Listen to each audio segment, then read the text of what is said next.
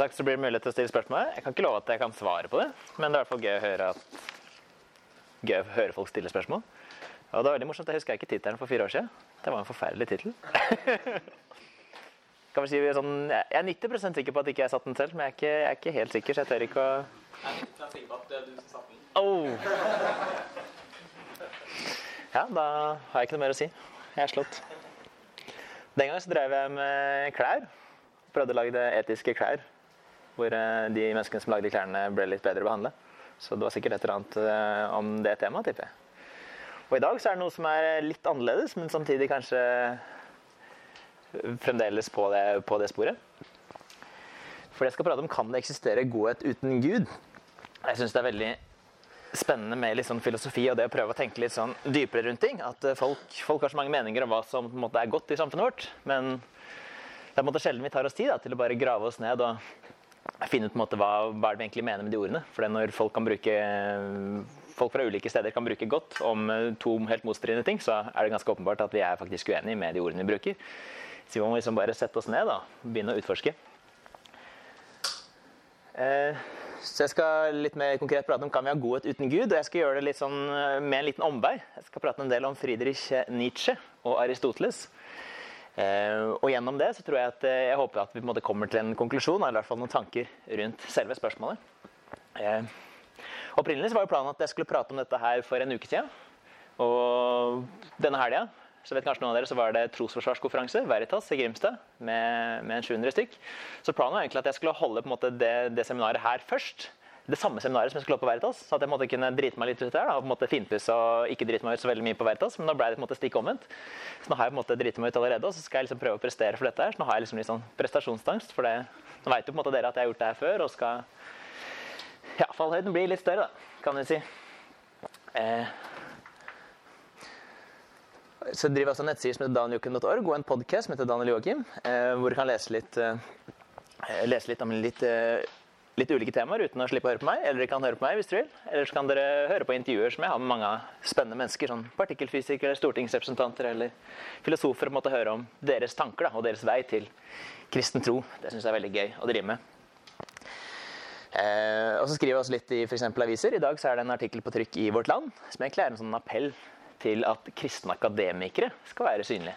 Og jeg tipper kanskje at det er et par fremtidige akademikere her. Fordi vi vet at det er, det er ofte veldig tøft å være kristen på studiesteder.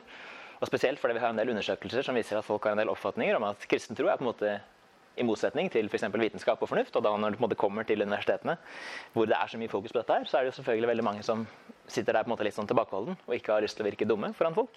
Men jeg tror på en måte hvis det er en del akademikere som går foran, da, som f.eks. John Lennox gjorde i Oslo og Kristiansand eh, denne uka, så tror jeg det åpner døra, og kanskje gjør det mye lettere for folk å gå etter. Det var en kjapp oppsummering av den. Eh, jeg syns det er veldig spennende med moralfilosofi spesielt. For eksempel så har jeg skrevet en Aftenposten-kronikk som handler om moral i Westworld. hvis dere har hørt om, hørt om den serien. Og så er det på en måte veldig gøy da, å se hva slags budskap som formidles i populærlitteraturen. For det, måte, det forteller gjerne om hvilken tid vi lever i. Ja. For jeg, jeg, jeg tror i hele tatt Før vi går løs på det spørsmålet, her, så er det en del ting vi må klare opp i. Eh, og Derfor syns jeg på en måte Friedrich Nietzsche er så interessant. For Nietzsche han på en måte sier at det å ha dårlig samvittighet, det er, på en måte, det er, det er prisen man må betale for å leve i et samfunn. Eh, fordi samfunnet er på en måte fullt av masse sånne her, kulturelle betingelser som sier et eller annet om hva som er godt og ondt, som du på en måte da må måtte prøve å forholde deg til å eh, leve etter. Men litt av Nietzsches prosjekt er at man prøver på en måte å sprenge seg fri fra disse tingene her. Og han kritiserer jo, eh, som sikkert Hvis noen har hørt noe om Nietzsche, så han kritiserer bl.a. kristne for å måte, dyrke fram sånn slavemoral. At uh, hvis du kjenner på instinkter, hvis du kjenner på sånne psykologiske disposisjoner, så skal du ikke følge dem. Du skal måte, prøve å kontrollere deg selv. Da. Holde deg selv i tøylene. Du skal disiplinere deg selv. Og det, det mener jeg at noe sånt kunne måte, bare slavene funnet på. For å prøve å holde de, eh, holde de sterkere tilbake. Så han har veldig mye forakt for f.eks. For kristen moral. Så kan man være god uten Gud. Espen Ottosen skrev dette her for et år siden i Aftenposten. Og det, det vanlige som skjer da, er jo at eh, mange folk blir veldig sinte. eh, på Twitter, på Facebook, eh, personlig, så måtte bli folk rasende. For de, de, tolker jo dette her på en ganske spesiell måte. Og mange av de tenker liksom at å ja, betyr det at bare kristne kan være gode mennesker? Betyr det at man må tro på Gud for å være en god person? Eh, men nei, det er jo ikke dette det betyr. Så jeg måtte skrive to kronikker for å prøve å forsvare han, og i det hele tatt bare prøve å forklare hva han egentlig mente. Og spørsmålet, er, spørsmålet vi snakker om er at Hvis det ikke eksisterer en gud, kan det da eksistere godhet? Eh, og så måtte jeg noe helt radikalt annet. da. For det betyr at Hvis det eksisterer en gud, så selvfølgelig kan ateister være gode. Og ofte så er jo ateister mye bedre mennesker enn eh, en kristne. Men det, jo, men det betyr jo Eller stilt på en litt annen måte, det betyr jo at ateister kan være gode mennesker, men fordi de tar feil. Eh, fordi det eksisterer en gud. Så hvordan kommer vi til dette her? Hva er godhet egentlig? Hvordan kan vi leve godt, og hva kjennetegner en god handling? Eh, jeg skal bare starte med en påstand først. og det er at Moderne moralfilosofi er i en veldig trist tilstand. Etikkfagene på videregående eller på universitetene består stort sett av å få en slags innføring i et par ulike metoder. Konsekvensetikk, pliktetikk, eh, og hvis du er heldig, så får du kanskje dydsetikk. Men du får stort sett jobben selv med å på en måte mikse og trikse for å prøve å komme deg fram til de løsningene du ønsker. Eh, og dette kaller man da på en måte etikk. Eh, nå, I disse dager så holder vi på å skrive en vitenskapelig antologi om aktiv dødshjelp. Så jeg måtte bl.a. måtte lese en del sånn bioetiske journaler. Eh, og det som kjennetegner de, da, er dette er en av mine favorittfilosofer som heter David Oliver. Han leser også veldig mye bioetikk og jobber med det. Og han, i, et intervju så sier han noe ganske brutalt. Han sier a lot of the time the ends justify the means in as much as bioethicists will use whatever argument they have at hand, whether good, bad, or indifferent, to advance a prior agenda. In that sense, I suppose you could say they misunderstand the function of argument, which is to get to the truth, not to advance a previously adopted policy. Som at Når folk skriver om argumenter i journaler, så har de gjerne bestemt seg for konklusjonen først. At dette er ønsket jeg anbefaler'. Og så bygger du argumentet i etterkant da, for å prøve å rasjonalisere den konklusjonen du skal fram til. Som er ganske stikk omvendt av hva et argument egentlig var ment å være. I recall reading a number of years ago a report by the UK's Human Fertilization and Embryo Authority, produced by a handful of bioethicists and devoted to defending human embryo experimentation. It was abundantly clear from the report that the authors most of whom I had barely heard of as far as the philosophy profession is concerned, were intent on recommending embryo experimentation to the government as morally per permissible, and they used whatever argument or theory they could to define it. As a result, you had a bit of Kantianism on one page, utilitarianism on another, virtue theory on another, and bits and pieces of philosoph philosophical thought, many of them totally irreconcilable with each other, thrown into the mix to achieve a supposedly rational conclusion that, sure enough, it was a just a-okay to experiment on embryos as long as we're careful. Så dere ser på en måte litt av mønsteret, at Du har gjerne bestemt deg for konklusjonen først. Og det som er så fint er at Når du har på en måte flere metoder å plukke fra, når du på en måte kan ta litt sånn pliktetikk der og litt konsekvensetikk der, og kanskje litt der, så kommer du gjerne fram til den konklusjonen du ønsker. Eh, for den måten Når du kan mikse og trikse, så er det veldig lett å på en måte bygge opp et resonnement. Eh, på samme måte som i, i, matematikken, hvis du på en måte har konklusjonen først og på en måte kan bestemme liksom aritmetikken underveis selv, så er det veldig lett å komme fram til den konklusjonen du ønsker, hvis du på en måte kan bestemme hva, hva de ulike tegnene skal bety. Eh, og den type ting. Problemet er jo at disse metodene her er jo gjerne fullstendig eh, motsigende. Eh, og de må, må, også bygge på et fundament. Du kan ikke både ha pliktetikk samtidig som du har konsekvensetikk, også litt grann didsetikk, for disse på en måte bygger på helt ulike fundamenter. Eh, som gjør at Hva er da vitsen med å argumentere hvis du egentlig uansett bare har bestemt deg for konklusjonen først, og så bare plukker du og mikser på den måten her? Det er ganske stikk i strid med hva argumentasjonen opprinnelig har vært. For å si Det på en annen måte, det er ikke fornuften som sitter i høysetet når vi skal finne konklusjonen om hva som er godt og vondt. Det er viljen. Du har bestemt deg for noe, og så prøver du å rasjonalisere det. Men få stiller det mest sentrale spørsmål. Altså det spørsmålet som filosofen har stilt seg selv til alle tider. Hva er godt? Hva er godhet? Og hva er et godt liv? Så bare først en slags sånn oppklaring i hva vi mener med moralfilosofi. Eh, grovt sett så kan det kanskje deles inn i fire felter. Eh, du har des deskriptiv etikk. altså Den beskriver på en måte bare om hvordan mennesker oppfører seg. og hva som ligger til grunn for deres handlinger. For så kan du beskrive at i et samfunn så, så, så ofrer man mennesker for å, måte, for å blidgjøre gudene. da. Men du, du, gir på en måte ikke noen moralsk bedømmelse. Du sier ikke at dette er forferdelig eller dette er godt. Men de som bare beskriver det, at eh, de gjør dette her, og de gjør det pga. det. Det er liksom rent sånn deskriptivt. Eh, ja, og på podkasten er det f.eks. en episode som heter 'Nietzsche og nyatistene'. Eh, Og du merker at en, del av disse nyatistene, f.eks. Richard Dawkins og Christopher Hitchens, går i en del av disse, disse fellene her når vi snakker om hva, hva på en måte er linken mellom Gud og etikk. At de ikke, Enten så forstår de det ikke, eller så vil de ikke skjønne dette her. Da f.eks. dette kjente slagordet til Christopher Hitchens. Han sier at Si meg én ting som en kristen kan gjøre, som da ikke en ateist kan gjøre. Og at da bare boom, da har han blåst ut av vannet. Denne hypotesen om at Gud har noe som helst med etikk å gjøre. Eh, men selvfølgelig, teoretisk sett så kan jo hvem som helst gjøre hva som helst. Så det er veldig vanskelig å svare på det dilemmaet der. Eh, for dette her handler jo stort sett om deskriptiv etikk. Men det som er litt vanskeligere, er når det kommer til metaetikk. Hva er det måte som ligger til grunn for at de kaller noe for godt? Hva er det som ligger til grunn for hvordan menneskene kan begrunne eh, sine handlinger ut fra såkalt godhet? Og da videre til normativ etikk. For det, Først så må du faktisk kunne si at noe er faktisk godt, og noe er faktisk ondt. På en måte objektivt, uavhengig av meg og deg. Før du da kan si at du bør gjøre det. Hvis ikke du kan si at noe er faktisk godt, så kan du heller ikke si at du bør gjøre det. For når du, når du driver med barneoppdragelse, så sier du måte, til barna dine at du, du, bør ikke løpe ut på veien eller du bør ikke slå broren din. Og Det er på en måte fordi du har en slags sånn metaetikk, veldig sånn primitiv metaetikk i starten her, som sier noe om at eh, vet du hva, jeg tror faktisk det er objektivt godt at uh, du ikke løper og, ut og leker på veien, eller at uh, du ikke utøver vold mot uh, søsknene dine. Og det er bare da at du måtte kan drive med normativ etikk. Det er liksom bare da du kan gå fra et er til et bør. Eh. Og det er på en måte det vi trenger ikke sant? hvis vi skal leve i samfunnet. Så må vi iblant moralisere litt over hverandre og prøve å fortelle litt om hvordan mennesker også bør oppføre seg. Vi kan ikke bare nøye oss med å sitte her og på en måte beskrive hvordan folk er. og det driver med det, og det driver med det, og alt er på en måte greit. Eh, dere hjelper gamle damer over veien, og dere ofrer mennesker til gudene. Det, alt er like fint. Men det på en måte noen sånne ressurser som gjør at du kan si at dette her er bra, og til at du måte kan fordømme da, den praksisen med å ofre mennesker, f.eks. Og så er det siste som er anvendt etikk, som er et ganske sånn nytt felt, hvor du måte, prøver å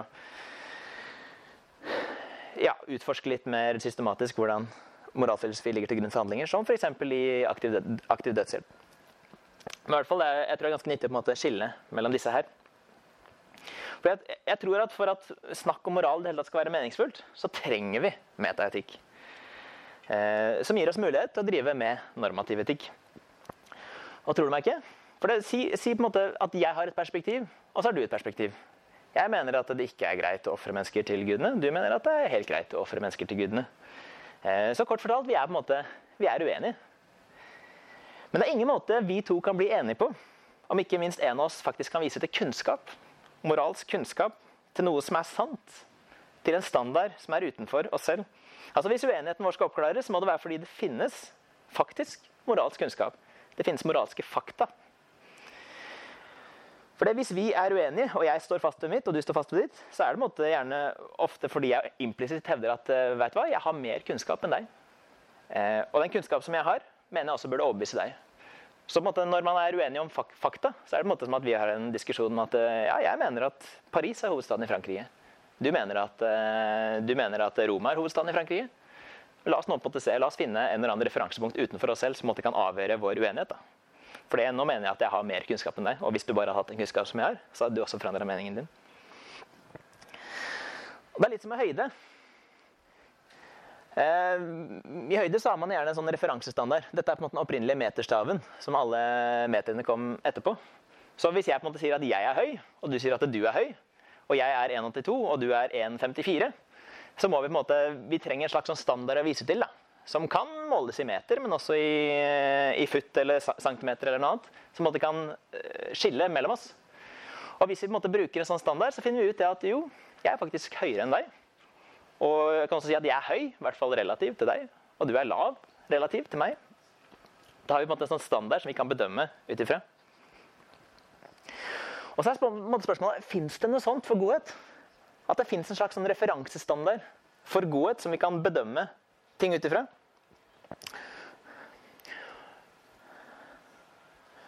Og her, måte, her, her skyter jo filosofihistorien i gang. For det er Platon var på en måte den første som var ute ved å si at eh, vet du hva? det fins en form av det gode. Eh, det fins en objektiv ting der ute som kan eh, fungere som referansestandard. Da, som kan klare opp i uenighetene våre. Fordi denne, denne her er faktisk ekte. Og så sa han på en måte at alle ting På samme måte som hvis jeg på en måte ser i vannet, og så ser jeg på en måte sola der oppe som speiles i vannet. så på en måtte av alle ting som måtte utviser godhet, så måtte speiler den godhet. Da, for den måtte får den godheten fra noe som er objektivt ekte, nemlig formen av det gode. Eh, så der ser du at Mennesker kommer i gang og finner ut at ja, vi trenger faktisk en sånn type standard hvis vi skal kunne si noe meningsfullt eh, om disse tingene her. Og Min påstand er at eh, 2500 år med moralfilosofi kan egentlig gjerne eh, pakkes ned i dette her. Fins dette her, eller fins det ikke? Jeg tror mer implikasjonen av det er har Nietzsche rett, eller har Aristoteles rett? Jeg skal komme litt tilbake til det. Eh, på Disippel i morgen så skal jeg Vi hadde egentlig samme tema her i dag og på Disippel i morgen. Eh, men da fant vi ut at da, tar vi på en måte del to på Disippel i morgen isteden. Så hvis du syns dette er spennende, så er det bare å komme videre dit eh, i morgen. Men i dag skal jeg prate mest om Nietzsche, og i morgen skal jeg kanskje prate mer om Aristoteles. Jeg skal prate litt om Aristoteles i dag også. Alistair McIntyre han er en av vår tids største moralfilosofer. Hans kronverk 'After Virtue' er på en måte det som har brakt dydsetikken tilbake på vår agenda i vår tid, med forløpere som Elisabeth Anscombe og Philippa Foot. Og 'After Virtue', den hovedverket hans fra 1980, er en slags sånn sammenfatning av hvordan vi kom hit i menneskehetens moralfilosofiske idéhistorie. Kort fortalt, etter at måte, personer som René Descartes, eh, René Descartes tok måte, et skille mellom, mellom sinnet mitt og, og verden, og så kommer David Hume som måtte sier at ja, du kan ikke oppdage regelmessigheter i verden. Jeg kan se en fyrstikk bli tent 99 ganger. Men jeg kan måtte si at det er ikke noe lovmessighet som gjør at den svovelen i den fyrstikken eh, antennes når jeg gjør sånn. For du, alt du observerer, er på en måte enkelttilfeller. Du kan på en måte ikke du kan ikke gripe regelmessigheter da, i naturen. Og så har du Immanuel Kant, som er kjent for dette uttrykket 'das Ding an Kich' og 'das Ding für mich'. Og hva betyr det? Jo, det betyr at du har en verden for seg selv, og så har du en verden slik den fremstår for meg. Men vi kan aldri vite hvordan verden er i seg selv. Eh, fordi det er på en måte lukket for oss. Alt jeg har, er på en måte hvordan ting fremstår for meg. Akkurat som jeg sitter her og ser på en slags sånn TV-skjerm. Men jeg kan på en måte ikke vite hva som er bakenfor den TV-skjermen. Jeg kan ikke vite hvordan verden faktisk er i seg selv. Så etter at Descartes og Hume og Kant og mange andre hadde begynt å skape veldig tvil da, om mennesket faktisk i det hele tatt kan vite noe om den virkelige verden, så følger etikken etter. Resultatet ble den såkalte ekspressivismen, eller emotivismen, som utbredte seg på starten av 1900-tallet etter Nietzsche, og som fortsatt har et tett grep på oss. For Når ikke du kan vite noe om verden slik den faktisk er, så kan du antageligvis heller ikke vite noe om godt og ondt. Og Resultatet blir da blir en slags moralfilosofi som heter at eh, Ta f.eks. En, en, en, eh, en mor da, som slår barnet sitt. Eh, det skaper en veldig ubehagelig følelse i meg. Problemet er at jeg kan ikke si at det er ondt. For jeg kan ikke ha ekte kunnskap om godt og ondt. Alt jeg kan si, så langt jeg kan komme, er å si at det skaper en ubehagelig eh, følelse i meg. Så moral er på en måte omdefinert da, til å fortelle et eller annet om mine følelser, mine psykologiske disposisjoner. Så da neste gang jeg på en måte ser en mor som slår barnet sitt, så kan jeg på en måte ikke si at hei, hei, stopp. Det der er ondt. For det kan jeg ikke vite. Alt jeg kan si, er hei, hei, hei. Det skaper en veldig dårlig følelse i meg. Så er på en måte spørsmålet hvorfor skal denne moren eller faren bry seg om det? Kanskje faren sier at uh, nei, dette skaper en hel grei følelse i meg. Så måtte, du har mista den der eh, referansestandarden da, til å klare opp den uenigheten vi har, uh, vi har mellom oss. Og McIntyre skriver at when two people disagree about what it is or would be good for someone to be, do have They are then, on an expressivist view, disagreeing in their preference, endorsements, attitudes of approval, concerns, desires, passions, or some combination of these. These are not disagreements concerning some matter of fact, concerning some, something independent of psycholo psychological stances or states of those who find themselves in, in disagreement. Så måtte, dette er den nye, nye moralfilosofien vi satt igjen med da, etter, at, eh, etter at Aristoteles var slått død av eh, Descartes og Hume og Kant. Og måte, vi blei skeptiske til om kunnskap om det gode faktisk er mulig, eh, faktisk er mulig å få. Og, og, og, det, og, det, er på en måte ikke så veldig tilfredsstillende at hver gang jeg på en måte sier at hver gang jeg ønsker å si at dette her er ondt, f.eks. rasisme eller eh, diskriminering eller måte, kjipe ting som jeg opplever i hverdagen, så kan jeg ikke si at det er ondt. Jeg kan liksom bare si at dette skaper en innmari dårlig følelse i meg. En slags sånn parallell til bare ja, måtte rope bu. Men hvorfor skal noen bry seg om det? Og Jeg tror kanskje dere kjenner litt igjen av den tenkningen også i dag. At eh, det er veldig farlig å være moralist i dag. Det er veldig farlig å si på at, at, noe er faktisk godt og faktisk vondt. For det handler ikke om fakta uansett. Det handler liksom bare om menneskers perspektiver. Og jeg har min subjektive opplevelse, og du, du har din subjektive opplevelse. Så hvorfor skal vi krangle om moral i det hele tatt? For det, det fins ikke noe som kan avgjøre hvem av oss som har riktig. Men jeg tror at etikk, slik vi implisitt tenker om det, handler faktisk om kunnskap. Om fakta. Slik som alle andre vitenskaper. I etikk så fins det rette og gale svar. To personer kan være uenige om hva som er en god og en dårlig løsning. Og Noen ganger så er uenigheten helt legitim fordi det er ulike perspektiv, eller konteksten spiller en rolle. Men andre ganger skyldes uenigheten i at den ene eller begge har feil. De har moralsk feil. Eh, men iblant så spiller på en måte konteksten en rolle. Eh, si f.eks. at du, du, kommer ut av butikken med sånne tunge handlepåser. Eh, og jeg ser på en måte at det skaper veldig mye smerte hos deg. Og så står jeg litt bortafor, og så tenker du at hvis Joakim hadde vært en god person nå, så hadde han kommet til å hjelpe, hjelpe meg med den ene handleposen. Men så gjør jeg ikke det. Jeg bare fyker av gårde isteden. Og så tenker han at oi, det var moralsk dårlig av Joakim at han bare stakk av istedenfor å hjelpe meg med disse handlepostene. Men så måtte, summer du ut litt, og så ser du at det jeg løpte av gårde for å gjøre, var på en måte for å redde eh, et barn som holdt på å bli overkjørt av en, av en trailer. Så her forstår vi på en måte at, Og da gikk dette fra å være en dårlig moralsk handling av meg til å faktisk bli en kjempegod moralsk handling av meg. Så på en måte Konteksten kan jo spille en rolle, eller fordi vi ser ting på litt ulike måter. Mens andre ganger så er det at én har rett og én har feil. Og, jeg tror det. Jeg tror det, det at uh, Hvis jeg sier at det er, det er galt å rangere menneskers verdi ut fra hudfarge, så tror jeg at det er en helt reell moralsk påstand. Jeg tror også det er en rett påstand. Hvis du er enig i den, så har vi ikke bare ulike perspektiver, men du har feil. Det er veldig mange som ofte blir provoserte for meg fordi jeg sier sånne ting. Men eh, jeg tror det er det som følger, da. Hvis man eh, holder med Aristoteles istedenfor Nietzsche. For jeg tror McIntyres analyse viser at vi bare har to, alternativ som at hele moralfilosofiske historien kan eh, sammenføyes i. Du har på en måte Aristoteles med den store jødisk-kristne tradisjonen etter han. Eller så har du på en måte Nietzsche og denne ekspressivismen etter han. Så hvorfor er det sånn? La oss titte litt nærmere på det her. Aristoteles og Augustin og Akinas og mange andre hevder at vi faktisk kan lese fra naturen noe om hva som er godt og ondt. David Hume, denne skotske skeptikeren, eh, foreslår at vi kan ikke utlede et bør fra et er, Altså vi, kan se, vi kan observere naturen. Vi kan se at eh, barn som vokser opp uten en far, eller barn som vokser opp ved å bli misbrukt av sin far, de, de, eh, de utvikler seg til å bli mer voldelige eller eh, lykkes ikke så godt i livet som andre. Men vi kan liksom ikke gå fra denne deskriptive påstanden om hvordan ting er, til å måtte si noe om at eh, Veit du hva, fedre? Dere bør være der for barna deres, og dere bør være gode forbilder. For det måte Naturen, noe, naturen, er ikke verdiladd i seg selv. Du kan liksom ikke gå fra å lese av naturen til å si noe om hvordan det bør være. Um, ja, evolusjonsprosessen som har utvikla oss, den har på en måte ikke noe, den har ikke noe iboende verdi. Da, sånn at vi vet liksom ikke om det den, det den utvikler oss mot, er moralsk godt eller dårlig. Alt vi vet, er at ting er som de er, og det er som de er. Deskriptivt. For om vi skal finne ut om noe faktisk er godt eller ondt, bedre eller verre, så virker det at vi har et par alternativ. Naturvitenskap hjelper oss ikke.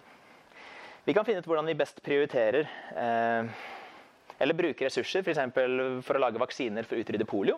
Det er en god ting. Problemet er at eh, måte, alt, den, alt, det moralske interessante skjer måte før naturvitenskapen kommer inn. Altså Den moralske bedømmelsen om at det er godt å utrydde polio, eller det er godt for et menneske å leve uten sykdom. Den har vi på en måte bestemt oss for før måte, naturvitenskapen kommer inn og finner ut hvordan vi kan utøve min moralske bedømmelse. Og Den type ting er naturvitenskap helt taus om, så vi må gå til noe annet. Men kan, kan, vi ikke bare bli enige om hvordan det er fornuftig for oss å leve? Og hvordan det er fornuftig å etablere gode samfunn? Men igjen, problemet er at her finnes det to alternativ. En er at vi kan bli enige om at noe er godt. Fordi vi har identifisert en godhet som eksisterer forut for oss selv. Altså Jeg og Andreas kan bli enige om at noe er godt, for det, det fins en, en godhet forut for noen av oss. Eller så har du det andre alternativet, som er at vi kan bli enige om at noe er godt, men det at det er godt, er på en måte helt betinga til oss. da. Det er på en slags sånn lucky coincidence at vi ble enige om dette her. For det fins ikke noe godhet der ute. Men det, liksom, det blir godt fordi vi er enige om at det er godt. I første tilfelle, at godheten eksisterer der ute, så vil jo moralfilosofi være en rasjonell øvelse. Vi forsøker å oppdage noe som virkelig er der. Fornuft fungerer jo fordi det fins fakta som virkelig er der fra før av. Det er fornuftig for meg å si at Paris er hovedstaden i Frankrike, fordi det fins en virkelighet forut for meg selv hvor øh, tilstanden faktisk er den samme som det. Eh, det er, så, det er ikke så fornuftig for meg å si at Oslo er hovedstaden i Brasil, for det fins ikke noe virkelighet der ute som måtte samsvarer med det. Fornuft, at noe skal være fornuftig, da. det forutsetter at det fins en virkelighet der ute som vi på en måte virkelig forsøker oss innom. Og vi blir deretter enige om at dette er godt. Slik vi på en måte blir enige om for at evolusjonsteorien eller spesiell relativitet beskriver naturens funksjoner på en god måte. Fornuftige øvelser. Men i det andre tilfellet, hvis måte, vår enighet, eller, eller, hva vi blir enige med, godt måte, bare er eh, mellom oss, så vil, ikke, vil moralfilosofi være en arasjonell øvelse. Det vi driver med, har ingen faktisk sammenheng med virkeligheten utenfor oss selv. Det vil ikke gi egentlig mening å kalle noe som helst for godhet, fordi det nå i beste fall representerer enighet. Hva vi kaller godt, er fullt og helt betinga av vår enighet. Så i en forstand så kan vi si at eh, denne enigheten mellom oss var et heldig uhell, men det er ikke resultatet av noen rasjonell aktivitet. Og Nordmenn er i stor grad enige om at likeverd er en god ting. Indere mener i stor grad at sortering av jenter kan forsvares. Og har til og med praktisert enkebrenning i ganske stor skala. Nordmenn setter ytringsfrihet høyt, mens kineserne tenker at ja, litt mer sensur er på sin plass. Men måte, hvis ikke vi prøver å gi påstander om hvordan ting virkelig er, så har vi mistet alle våre ressurser til å fordømme verken indere eller kinesere. For de bruker jo egentlig samme metode som oss. Og så lenge det er stor nok enighet, er jo tross alt kineserne og inderne ganske mange flere enn oss. Kanskje det er vi som burde revurdere vårt forhold til likeverd og ytringsfrihet. For i dette andre tilfellet så er ikke vår enighet noe uttrykk for noe annet enn våre emosjonelle disposisjoner. Og tilfeldigvis var de like denne gangen. En annen gang så er de kanskje ikke det. Men det er ingen sammenheng med en faktisk rasjonell øvelse. Jeg kan si at jeg føler ubehag ved å se en mann slå barna sine eller sende jøder på konsentrasjonsleir, men jeg kan ikke si noe om hvorvidt dette virkelig er godt eller ondt. Det å oppdage moral kan ikke være en øvelse for intellektet, men det er bare ren vilje. Vi er såkalte nihilister. Vi er beyond good and evil, som var, nei, som var Nietzsche sin hypotese. Nietzsche er Aristoteles. Helt til slutt skal jeg komme litt mer på Aristoteles, men la oss bare dukke litt ned i Nietzsche. Jeg skal innrømme å ha et slags sånn merkelig kjærlighetsforhold kjærlighetsforhold til Nietzsche. Altså, han, hadde måte, han hadde jo ganske mange forferdelige tanker om, eh, om ting. Men samtidig så virker det som at han var ganske konsekvent. da. Han tør på en måte å ta implikasjonene av, eh, av det han sto for, og på en måte la ikke noe særlig imellom. Som jeg sa, For noen år siden så holdt jeg denne talen om eh, hvor jeg på en måte sammenligna nyatistene med Nietzsche. og det du på en måte ser er to ganske ulike verdener. Fra folk som måtte ikke helt forstå hva det handler om, til en person her som forstår på en måte hva som er konsekvensene av å si at Gud er, eller Gud er ikke. At det faktisk er et hav av forskjell mellom det. Det er ikke som du heier på Liverpool eller Manchester United, selv om det kanskje er viktig for noen. Fordi mens noen kjedelige nyatister tror at noen kjappe slagord er nok til å felle den største intellektuelle tradisjonen i menneskehetens historie, nemlig teisme, så var i hvert fall Nietzsche høflig nok til å forakte kristendom i stor grad for hva det faktisk er inklusive en stor hengivenhet til etikk og barmhjertighet. Nietzsche var en tysk tenker som ble født i 1844, og han levde på siste halvdel av 1800-tallet. Karrieren hans tok eh, brått slutt da han ble gal, kanskje med syfilis, i 1889, frem til han døde i, 1900. Og Vi kan jo egentlig bare lure på hva som hadde skjedd dersom han på en måte hadde fortsatt å, å være aktiv. Eh, faren til Nietzsche han var en luthersk prest, men faren døde når han var bare fire år. Året etter så døde storebroren hans, så du måtte forstå da, at han han har en oppvekst som er ganske fylt av eh, lidelse, og kanskje også uten noen mannlige forbilder.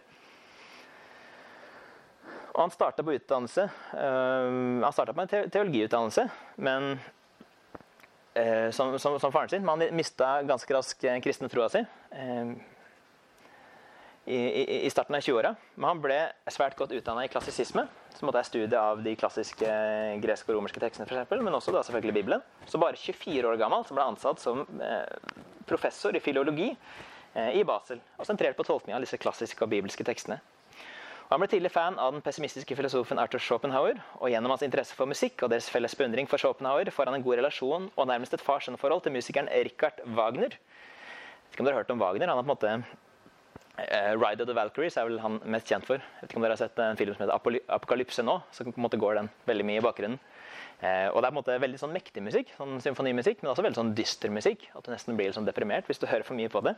Så du på en måte merker at uh, ofte er det en ganske nær link da, mellom filosofi og ideer og den kunsten som kommer ut av det. Nietzsche kommer til å forakte begge disse to senere i livet, men det er en annen historie. Eh, og det er tydelig at, fra tidlig alder at Nietzsche beundrer kunsten, og særlig den antikke greske tragedien, for dens uttrykk av menneskets sanne tilstand. Eh, når disse klassiske tenkerne, f.eks. Homer, beskriver fortellinger om mennesker, så er det mennesker som ja, de, de, kan liksom ikke forandre utfallet av historien. Da, for det er, måte, det er, gudene i gresk mytologi som sitter og bestemmer alt uansett. Så de må liksom bare lære seg å leve med det. De må liksom bare akseptere sin egen situasjon. Og det mente liksom at Nietzsche at da har vi virkelig skjønt den menneskelige tilstanden. Måtte bare akseptere, at, uh, akseptere vår situasjon istedenfor å prøve å strekke oss etter noe som, uh, som egentlig ikke er der.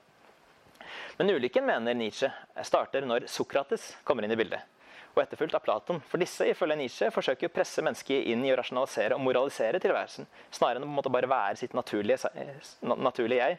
De innbiller folk at de skal søke etter det virkelig sanne, snarere bare omfavne den tilværelsen de er i. Eh, og Platon jo f.eks. med denne idélæren som vi pratet om i sted, og snakk om idealiserte former, som Nietzsche måte, mener trekker mennesket vekk fra det å leve i virkeligheten slik den faktisk er. Og Nietzsche anså antageligvis renessansen som en mulighet for dette klassiske greske tragedien til å komme tilbake. Det, det, det, rent menneskelige. Men det tilløpet ble kvalt av kristendom, mente Nietzsche. Eller som Nietzsche kalte det, platonisme for folket. Og Med det så startet trolig Nietzsches livslange kamp mot det kristne systemet. Og det er jo det kristne systemet han kjenner så godt, siden faren var luthersk prest, og siden det er den kulturen han lever i. Nietzsche skriver i 'Human All to Human' om hvordan det kristne synet bortimot begraver mennesker i gjørme og gjør dem til marker, hjelpeløse på egen hånd, skrikende ut etter Guds hjelp. Nietzsche hater dette, og han gjør det med en fantastisk lidenskap. Eh, Nietzsche hater at den kristne moralen er rettet mot noe forbi denne verden. Eh, så i boka altså Sprach Sarasostra erklærer derfor profeten Sarasostra at det er denne verden vi skal omfavne med hele oss. Vi skal ikke late som at det fins noe eh, noe videre der, eller at det finnes noe, noe sånn egentlig sann tilstand eh, som ikke er den vi lever i her og nå. Og jeg tror også Det er viktig å forstå den tida som Nietzsche lever i. Han, han, han lever måte, etter den franske revolusjonen, han lever etter Nietzsche. På en måte tider hvor de måte, sosiale strukturene har blitt sånn snudd tvers om på hodet. Eh, hvor måte, det tradisjonelle, adelen, kirken, måte, har blitt kastet ut. Og så har man prøvd å innføre noe nytt. Og det blir på en måte til et blodbad hvor eh, titusenvis av mennesker må bøte med livet eh, i, i, dette prosjektet med å prøve å få dette her til. Men, men man, man, er liksom på leit da, etter noe nytt og fast å bygge samfunnet på, men så klarer man liksom ikke å finne det helt. Så det er liksom som å leve i et sånn der eh, villråde. Så hvordan ser verden ut for Nietzsche? I boka 'The Gay Science' finner vi den berømte lignelsen hvor Nietzsches gatemann løper inn på markedsplassen eh, og erklærer at Gud er død. De som gjerne har bare hørt én ting om Nietzsche, de har gjerne hørt den der setninga 'Gud er død'. Så det er noen som tar på den der vitsen at eh, etter, etter, år 1900 så skrev Gud at ja, Nietzsche er død. Men, I hvert fall den setninga. Eh, og det han skriver, er måte, utrolig poetisk, så jeg har bare lyst til, å, uh, lyst til, å, lese dette her, og på en måte prøve å komme til bunns i hva, egentlig, hva dette egentlig betyr. Da. For det er noe ganske radikalt annet enn hva vi, det inntrykket vi ville fått hvis vi bare fulgte med i aviser etter Ottesen sitt innlegg, eller, eller noe slikt. Da skriver han The madman jumped into their midst and pierced them with his eyes. Where is God? he cried. I will tell you. We have killed him, you and I. All of us are his murderers. But how did we do this? How could we drink up the sea? Who gave us the sponge? sponge to wipe away the entire horizon? What were we doing when we unchained this earth from its sun? Whither is it moving now? Whither are we moving? Away from all suns? Are we not plunging continually? Måtte bare kjent på den der uh, alvoret og den desperasjonen. Backward, sideward, forward, in all directions. Is there still any up and down? Are we not straying as, as for an infinite nothing? Do we not feel the breath of empty space? Has it not become colder? Is not night continually closing in on us? Do we not need to light lanterns in the morning? Do we hear nothing as yet of the noise of the gravediggers who are burying God? Do we smell nothing as yet of the divine decomposition?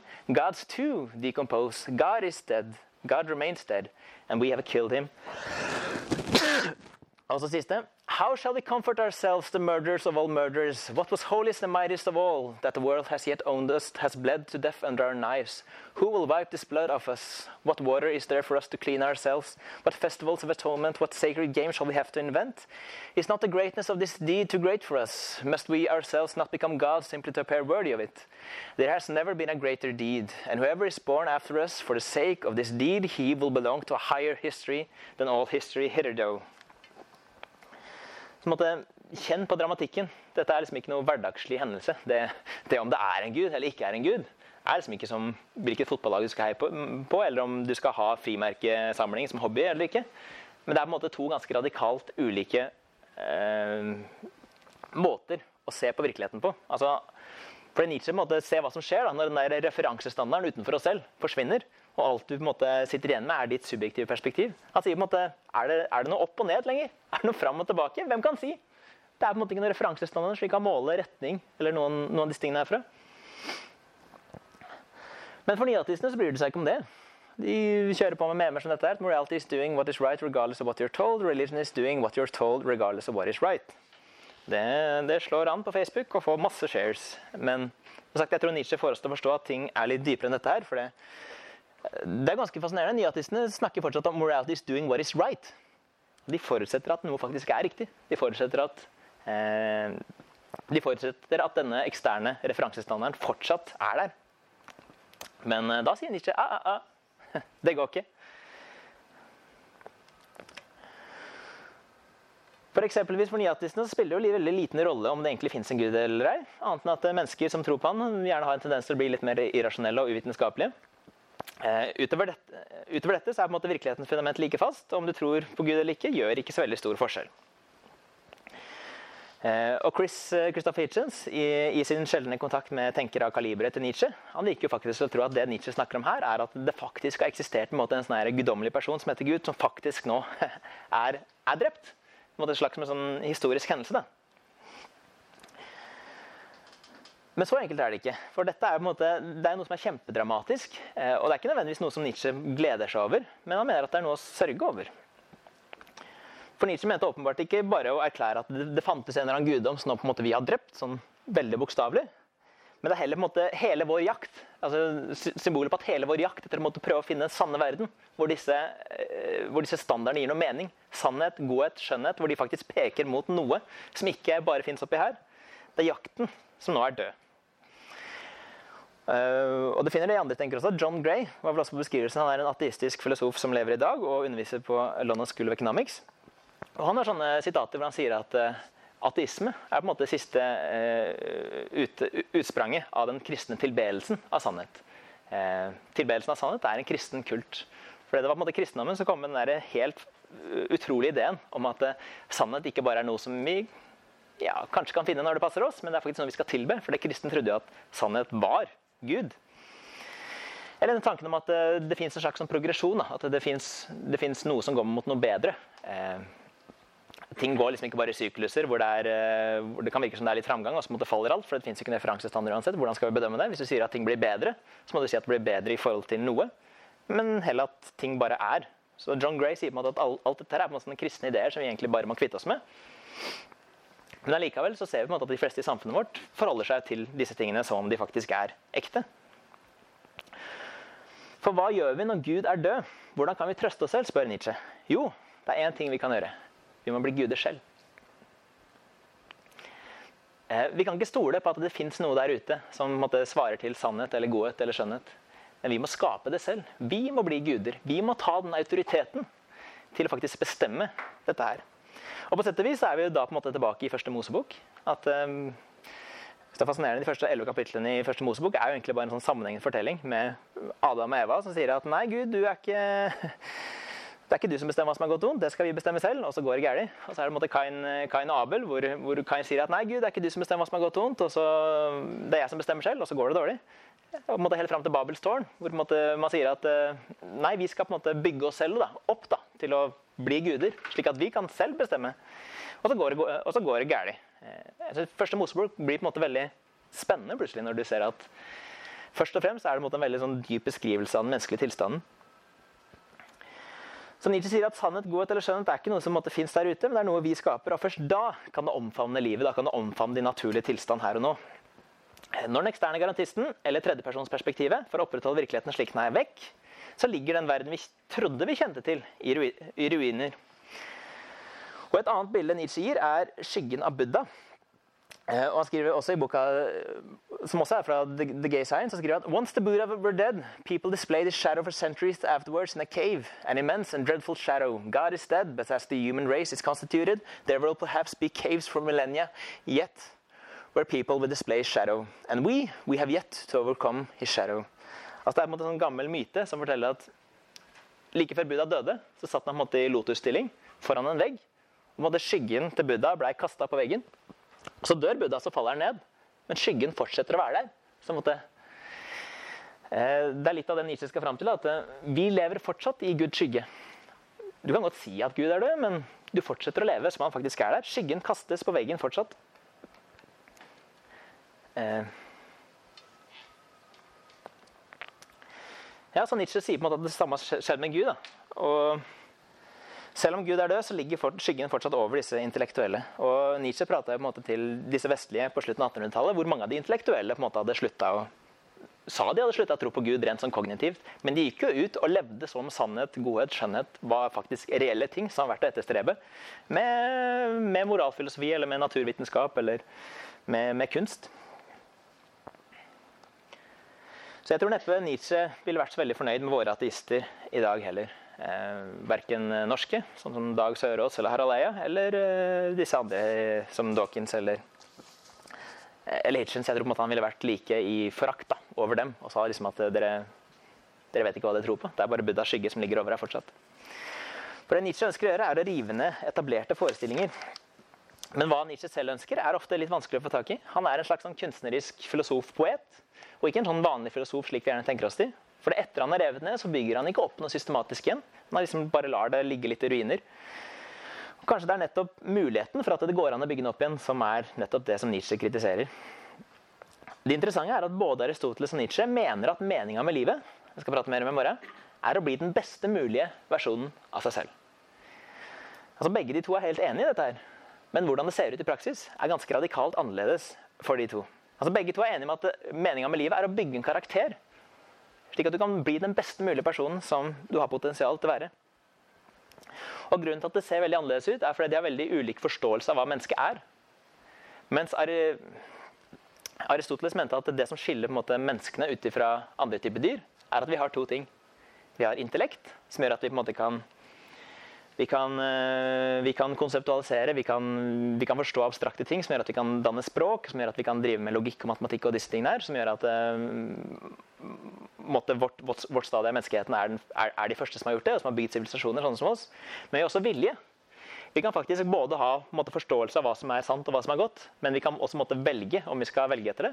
Paulus, Paulus sier jo det ganske bra. at det, det gode jeg vet jeg burde gjøre, det gjør jeg ikke. Men det onde jeg vet jeg ikke burde gjøre, det gjør jeg. Så du kan både ha kunnskapen om det gode og det onde, men du kan også velge i henhold til disse der. Du kan velge å følge det, eller du kan velge å ikke gjøre det. Og Aristoteles mener at eh, målet med livet er å på en måte disiplinere deg selv til å følge det gode. Mens Nietzsche, hos Nietzsche så er på en måte denne intellektdelen er vekk. Så alt du har igjen, er på en måte vilje. Du skal på en måte utfolde deg selv. For det, det fins jo ikke noe ikke noe sant, det fins ikke noe godt å oppdage uansett. Så hva er på en måte da det nest beste? Jo, det er på en måte bare å utfolde deg selv. Det er å komme løs fra denne slavemoralen som bare skaper dårlig samvittighet. Ta f.eks. opplevelsen av misunnelse. Jeg tror Det illustrerer godt hvordan Nietzsche tenker at kristne lager en slavemoral. Og Kristne mener Nietzsche, de løser problemet med misunnelse ved å disse ned opplevelsene og nekte seg selv det de ønsker. De forteller seg selv sånne historier som at ja, men det er de, det er de ydmyke, det er de saktmodige, det er de fattige som skal arve jorden. Og det er lettere for en kamel å komme gjennom et nåløye enn for en rik å komme til himmelen. Så de kristne på en måte nekter seg selv de tingene som de egentlig ønsker. En bedre løsning, mener Nietzsche, er å bruke følelsene våre som en slags sånn guide til hvordan vi kan bli den best mulige utgaven av oss selv. Så f.eks. følelsen av misunnelse. Det forteller kanskje noe veldig viktig om vår tilstand. Det forteller kanskje en slags sånn diskrepans, et gap, mellom den personen jeg er nå, og den personen jeg egentlig vil være. Uh, kanskje jeg ser på ulike mennesker, kanskje jeg ser en person som har en utrolig bra kropp, og så kjenner jeg på en måte misunnelse, for den kroppen skulle egentlig jeg hatt. Jeg, kjenner, jeg ser noen som har veldig mye rikdom, og så kjenner jeg på misunnelse, for den rikdommen skulle jeg egentlig hatt. Eh, jeg ser noen som er veldig berømte, noen som har en status som jeg måtte beundre. Så blir jeg veldig misunnelig, for den, den statusen skulle jeg egentlig hatt. Kanskje det forteller meg noe ekte om at eh, og det mener måte Nietzsche at Da burde jeg heller bare bruke alle mulige krefter da, til å bli den personen som jeg egentlig ønsker å være. Til å bli den personen som har bra kropp, til å bli den personen som har mye rikdom, til å bli den personen som er berømt. Og da snarere enn å hate den som vi er misunnelige på, på måte, forakte den, så kan vi heller på en måte, da bare sette alle kluter til for at vi skal bli like gode. Men merk, altså, hos Nietzsche så er på en måte analysen om dette målet i seg selv er godt. Om det egentlig er godt i seg selv å ha en fin kropp, om det egentlig er godt i seg selv å ha masse rikdom, om det egentlig er godt i seg selv å være berømt, den er helt fraværende. Noe slikt har ikke noe plass i Nietzsche. Hvorfor?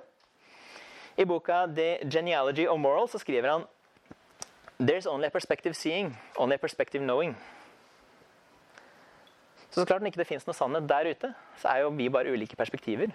Det fins liksom ikke noe vi kan dunke i bordet med og si at det er sant, det er godt. Men vi er bare perspektiver. Vi er mennesker som har våre subjektive opplevelser, og som gjerne er uenige. Vi vil aldri komme til sannhet slik den er i seg selv, men bare mange perspektiver som sammen kan fylle ut noe som vi sånn grovt kan kalle for kunnskap. Nietzsche tror ikke at det eksisterer noen fakta utenfor denne tolkningen som vi gjør. Så det å utvikle et nytt system for hvordan vi bør tenke, vil antageligvis vært selvmotsigende for ham. Han kritiserer kristen moral, men må samtidig være forsiktig med å foreslå en alternativ moral, for han tror jo egentlig ikke på en sånn normativ moral eller metaetikk eh, i den forstand. Og siden Nietzsche ikke tror at et større system er mulig, så skriver han heller noe ganske viktig tilbake i The Gay Science. One thing is needful to give style to one's character. A great and rare art. Så her, her kommer kunstneren i Nietzsche tilbake. Da. At uh, Hva er på en måte det nest beste dersom ikke du kan oppdage med fornuften hva som er et godt liv? Jo, du må liksom bare utfolde deg selv. Du må du må, du, må, du må, kjenne på dine opplevelser, du må kjenne på dine psykologiske disposisjoner, og så må du måtte ta det som en guide da, til hva du egentlig ønsker. Slik at du kan utfolde deg selv som en, en slags som kunstner. Jeg vet ikke hvorfor, men når jeg, når jeg hører dette, her, så tenker jeg liksom ofte på lovsangsdans. Eller sånn improvisert dans. da. At uh, livet i Nietzsche sine øyne er liksom som å improvisere en dans. At du liksom bare går der hvor du, du, du nærmest føler for, til, uh, til enhver tid. Jeg skal ikke prøve å fremføre, for jeg er en veldig dårlig danser, så jeg kan ikke vise hvordan det kan se ut. Men at du liksom du, du lever litt sånn livet da, eh, etter de måte, disposisjonene du får, for å prøve å leve ut det mest mulig. Det nye livet dreier seg rundt individet, og det Nietzsche kaller for 'the will to power'. Eh, ofte blir det litt sånn misforstått, for det Nietzsche ønsker, er kanskje ikke først og fremst måte, makt, militær makt, eller det å ha makt over andre. Men power her skal på en måte bare egentlig forstås det å på en måte leve seg selv fullt ut. Altså måtte La kunstneren i deg selv få fritt utløp og bli den best mulige versjonen av deg selv. Ikke nødvendigvis at du trenger å ha makt over andre. Det kan være det. Nietzsche beundrer måte, stort sett generaler. Han beundrer Julius Cæsar, han beundrer Napoleon. Fordi de måtte virkelig levde ut, eh, levde ut sine egne disposisjoner. Men, men, det trenger ikke være det. Så måtte utfoldelsen bli en slags sånn kunstform i seg selv. Da. Så hvis vi kan forestille oss her, hvis vi kan forestille oss en kommentar som Nietzsche ville gitt direkte til, eh, til, vår kultur, så tror jeg kanskje det kan være noe lignende som det han gir til forfatteren George Eliot i 'Twilight of the Idols'. Han skriver «They are rid of the Christian God and now believe all the more firmly that they must cling to Christian morality. That is an English consistency. We do not wish to hold it against little moralistic females a la Eliot, in England, one must rehabilitate oneself after every little emancipation from theology by showing in a veritably awe-inspiring manner what a moral fanatic one is. That is the penance they pay there. Igjen, han sier på en måte at den moralske er kulturelt betinga. Slutt å late som at den er ekte. Slutt å skape dårlig samvittighet til mennesker som ikke kan leve, leve opp den. Denne moralen. We others hold otherwise. When one gives up the Christian faith, one pulls the right to Christian morality out from under one's feet. This morality is by no means self evident. This point has to be exhibited again and again, despite the English flatheads. Så Nietzsche har på en måte nesten like mange fornærmelser som, uh, som Luther. Uh, this point has to be exhibited again and again. Nei, uh, despite the English flatheads. Christianity is a system, a whole view of things fought out together by breaking one main concept out of it, the faith in God, one breaks the whole. Nothing necessarily remains in one's hand. Christianity presupposes that man does not know, cannot know what is good for him, what evil. He believes in God, who alone knows it. Christian morality is a command. Its origin is transcendent. It is beyond all criticism, all right to criticism. It has truth only if God is the truth. It stands or falls with faith in God. Så hvis det er sant at jødisk kristen moral på en måte har utviklet mye av det som vi bygger institusjonene våre på, mye av de tankene som vi har, hvis du fjerner Gud fra det bildet, så kan du ikke fortsette som før. Alt forsvinner. Eh, jeg tror ikke Nietzsche ville vært en veldig stor fan av Humanitisk Forbund. For, eksempel. for de pleier jo gjerne å si selv at eh, ja, vi har fått disse tankene her fra en jødisk kristen system, men nå tenker vi at nå trenger vi ikke Gud lenger, så nå bare fortsetter vi uten, eh, uten denne gudegreia. Men det sier Nietzsche at hvis du, hvis du tar ut en liten bit, så faller alt. Hele rammeverket.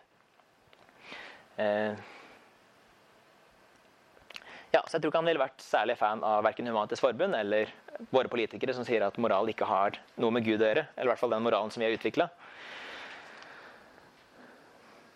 For jeg tror at sånn, Snakk om verdier og snakk om moral kommer gjerne bare fra tykke tradisjoner. Og det er ikke så mange andre tykke tradisjoner vi i Norge har erfaring med. Altså, sekularisering handler gjerne bare om å måte, prøve å vanne ut disse tykke tradisjonene.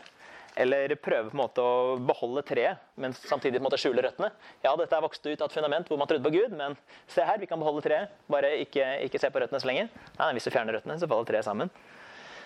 Eh, mens i Norge så har vi kanskje på en måte bare en sånn stor konkurrerende etikktradisjon, og det er islam. Eh, for det, det, er ikke noen andre tankesystemer da, som, har, som, er, som, har, så mye innhold, som kan skape innhold til disse ordene, som gjør at vi faktisk kan utvikle en moralfilosofi, og i forlengelsen av det en politikk. For det politikk er jo egentlig bare moralfilosofi i stor skala. Vi sier noe om hva som er ønskelig, hva som er godt for et samfunn. Så Det, er det forfriskende med Nietzsche er at han forstår alvoret på en helt annen måte. Han forstår, han forstår at deler henger sammen med helhet, og at ideer faktisk har konsekvenser. Slik som at vår moralske intuisjon og fornuft ikke har oppstått i et vakuum og ikke nødvendigvis kan løsrives fra det systemet. For hva om det vi tar som en selvfølge, ikke virkelig er det? La oss bare ta et eksempel helt til slutt. Prinsippet om likeverd, som bl.a. ligger til grunn for moderne liberalisme og er en veldig hellig idé i vårt samfunn, uansett om du tror på Gud eller ikke.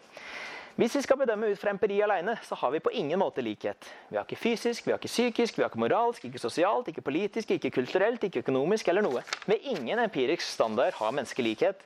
Vi er strikt ulike. Men på en eller annen måte så sier vi at vi fortsatt har en slags sånn likhet som, som, eh, som objekter av verdi, eller som personer. Altså Vi har lik verdi, vi har likeverd. Men alt som har en pris, kan i teorien erstattes av ting, andre ting for samme pris. Altså det er selve grunnen til at vi har et slags sånn kapitalistisk system som vi har, hvor ting har priser. At vi har utviklet pengesystemet. Fordi du har i gamle tider så hadde du kanskje en eplebonde som solgte epler, du hadde en jeger som solgte kjøtt, du hadde en baker som solgte brød. Men istedenfor liksom at disse tre og tusenvis av andre måtte skal drive og bytte sine varer innad, så måtte veksler man det inn i en sånn felles greie, da, som da blir penger. Så det var en innføring i økonomisk teori for eh, veldig kjapt. Som, som, gjør på en måte at man, man, man, kan bytte uten å måtte være i direkte kontakt med dem man skal bytte mot. Om du kan måtte bytte dine, dine, dine goods inn i Eh, inn i en enhet som måtte har verdi for alle. Og dersom en enhet kjøtt er verdt 10 kroner, og en enhet med brød er verdt 10 kroner, så kan du bytte tilsvarende en enhet med kjøtt mot en enhet med brød. Men veldig få her i Vesten vil si at mennesket har en pris. Vi sier at det har en uendelig egenverdi bare i kraft av å være en menneskelig person. Likeverdet mellom personer er en, allerede en forutsetning for likebehandling, som de fleste av samfunnsinstitusjonene våre bygger på. All politikk er jo i en forstand ja det sa jeg i sted, moral. Fordi all politikk sier noe om hva som er ønskelig, hva som er godt, og hvor vi vil den sammen, kollektivt. Men igjen, vi har ikke likeverd fra noen, eller vi har ikke likhet fra noen empirisk standard. Vi er ikke like som dyr, eller engang som rasjonelle dyr. Men vi har visstnok likhet som personer, da, som vesener med evnen til å oppleve som frie aktører. Men hva annet kan en menneskelig person være, om ikke et levende menneskelig dyr? Og gitt hvor mange slike dyr som eksisterer der ute, hvordan kan vi da si at noe sånt er uendelig verdifullt? Hvordan kan vi si at noe sånt har menneskeverd? Vi kan si at vi har større kompleksitet. Vi kan si at vi at vi er ekstremt komplekse fysiske systemer. At vi på en måte er selve kronen på evolusjonsverket. Men hvordan tar vi på en måte spranget fra kompleksitet til verdi?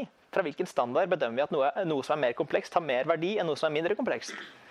Hvis vi har ulikhet som dyr, selv menneskelige dyr, men likhet som personer, så må det være noe ved denne personligheten vår som vi setter uh, uavhengig av disse empiriske karakteristikkene. Da er spørsmålet hva er et menneske? Hva er en person? Og hva gir oss lik verdi? Hva gir oss uendelig verdi?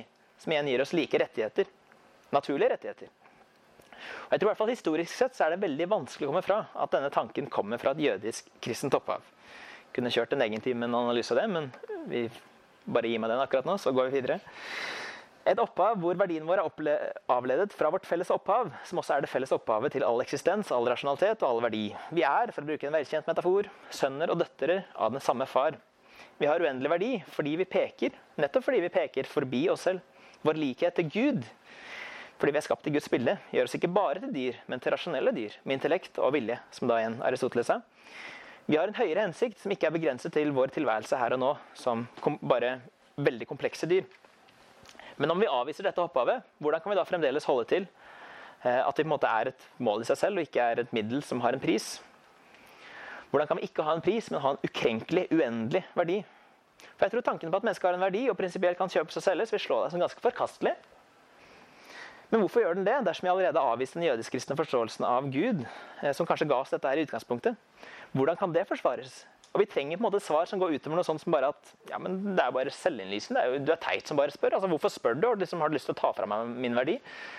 måte folk nesten bare spiller sånn indignert. Du trenger på en måte svar som går litt dypere enn ja, men det bare er sånn. Jeg bare opplever det veldig sterkt. At alle mennesker har lik verdi. Så det virker som at vi lever fremdeles på denne bølgen av den jødisk-kristne tradisjonen. Men hva vil skje når denne bølgen renner ut? Hva vil skje når Buddhas skygge forsvinner?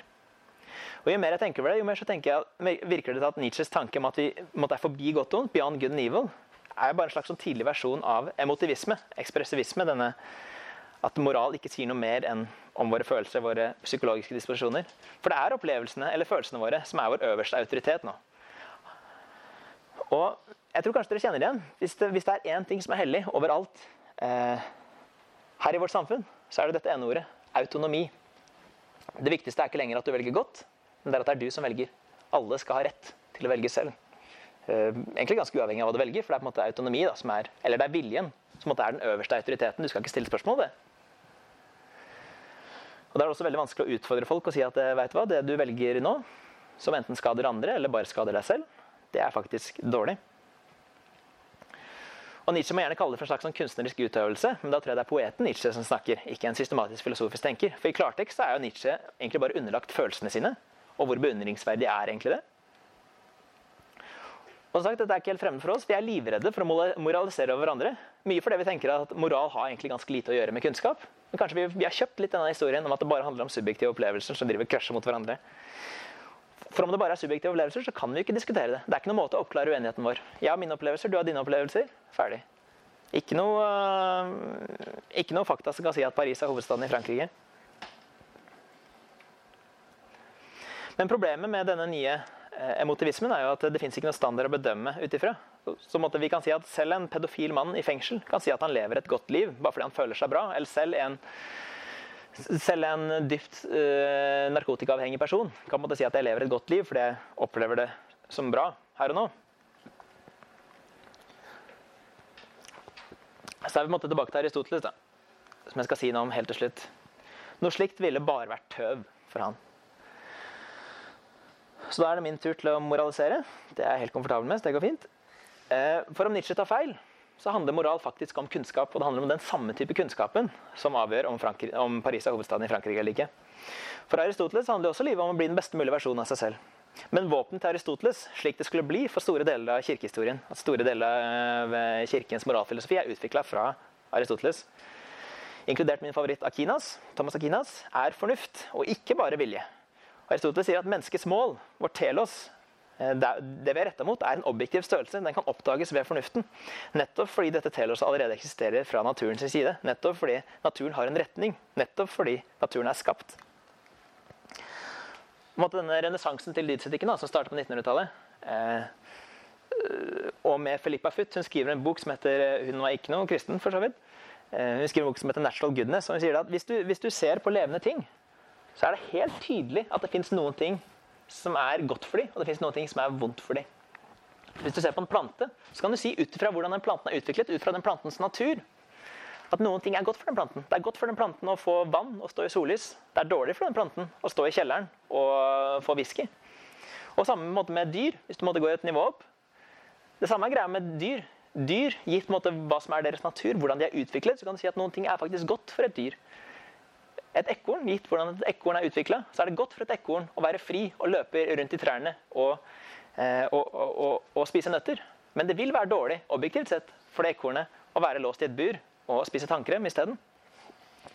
Og hvis det er sånn med alle levende skapninger i denne naturen, og vi er en levende skapning i denne, denne, naturen, er ikke vi da himmelig naive hvis vi skal tro at det er noe annerledes med oss? At det faktisk fins noen betingelser som sier noe om hva som er godt og ondt for, eh, for menneskelivet? Og på samme måte som at ekorn kan bli en best mulig ekorn ved på en måte leve ut sin ekornatur, så kan mennesket bli et best mulig menneske i å på en måte leve ut det på en måte vi har, da, som er eh, også basert i vår natur. Og Vi kan bli den beste mulige versjonen av oss selv. Vi skal prate mer om morgen. Vi kan leve moralsk liv, gode liv, ved å følge vår telos. For på enden av vår telos så fins Gud. Så hvis, hvis du hvis du måtte kjenne en person, eller eh, kanskje sønnen eller dattera di på 15 år, måtte starte å si at eh, vet du hva, nå har jeg, måte, nå har jeg gitt opp min rett til helse. Jeg ønsker måte, din hjelp til å ta heroin. Eh, så vil du forhåpentligvis nekte det Du vil prøve å overbevise dem om at vet du hva? dette er dårlig for deg. På samme måte som en plante som får whisky, på samme måte som et ekorn som får tannkrem. Da sier man at dette her er dårlig for deg. Og hvorfor er det dårlig? Jo, fordi det på en måte senker alle de kapasitetene som er unike til oss mennesker. Det, det senker vår kognitive kapasitet. Det senker viljen vår.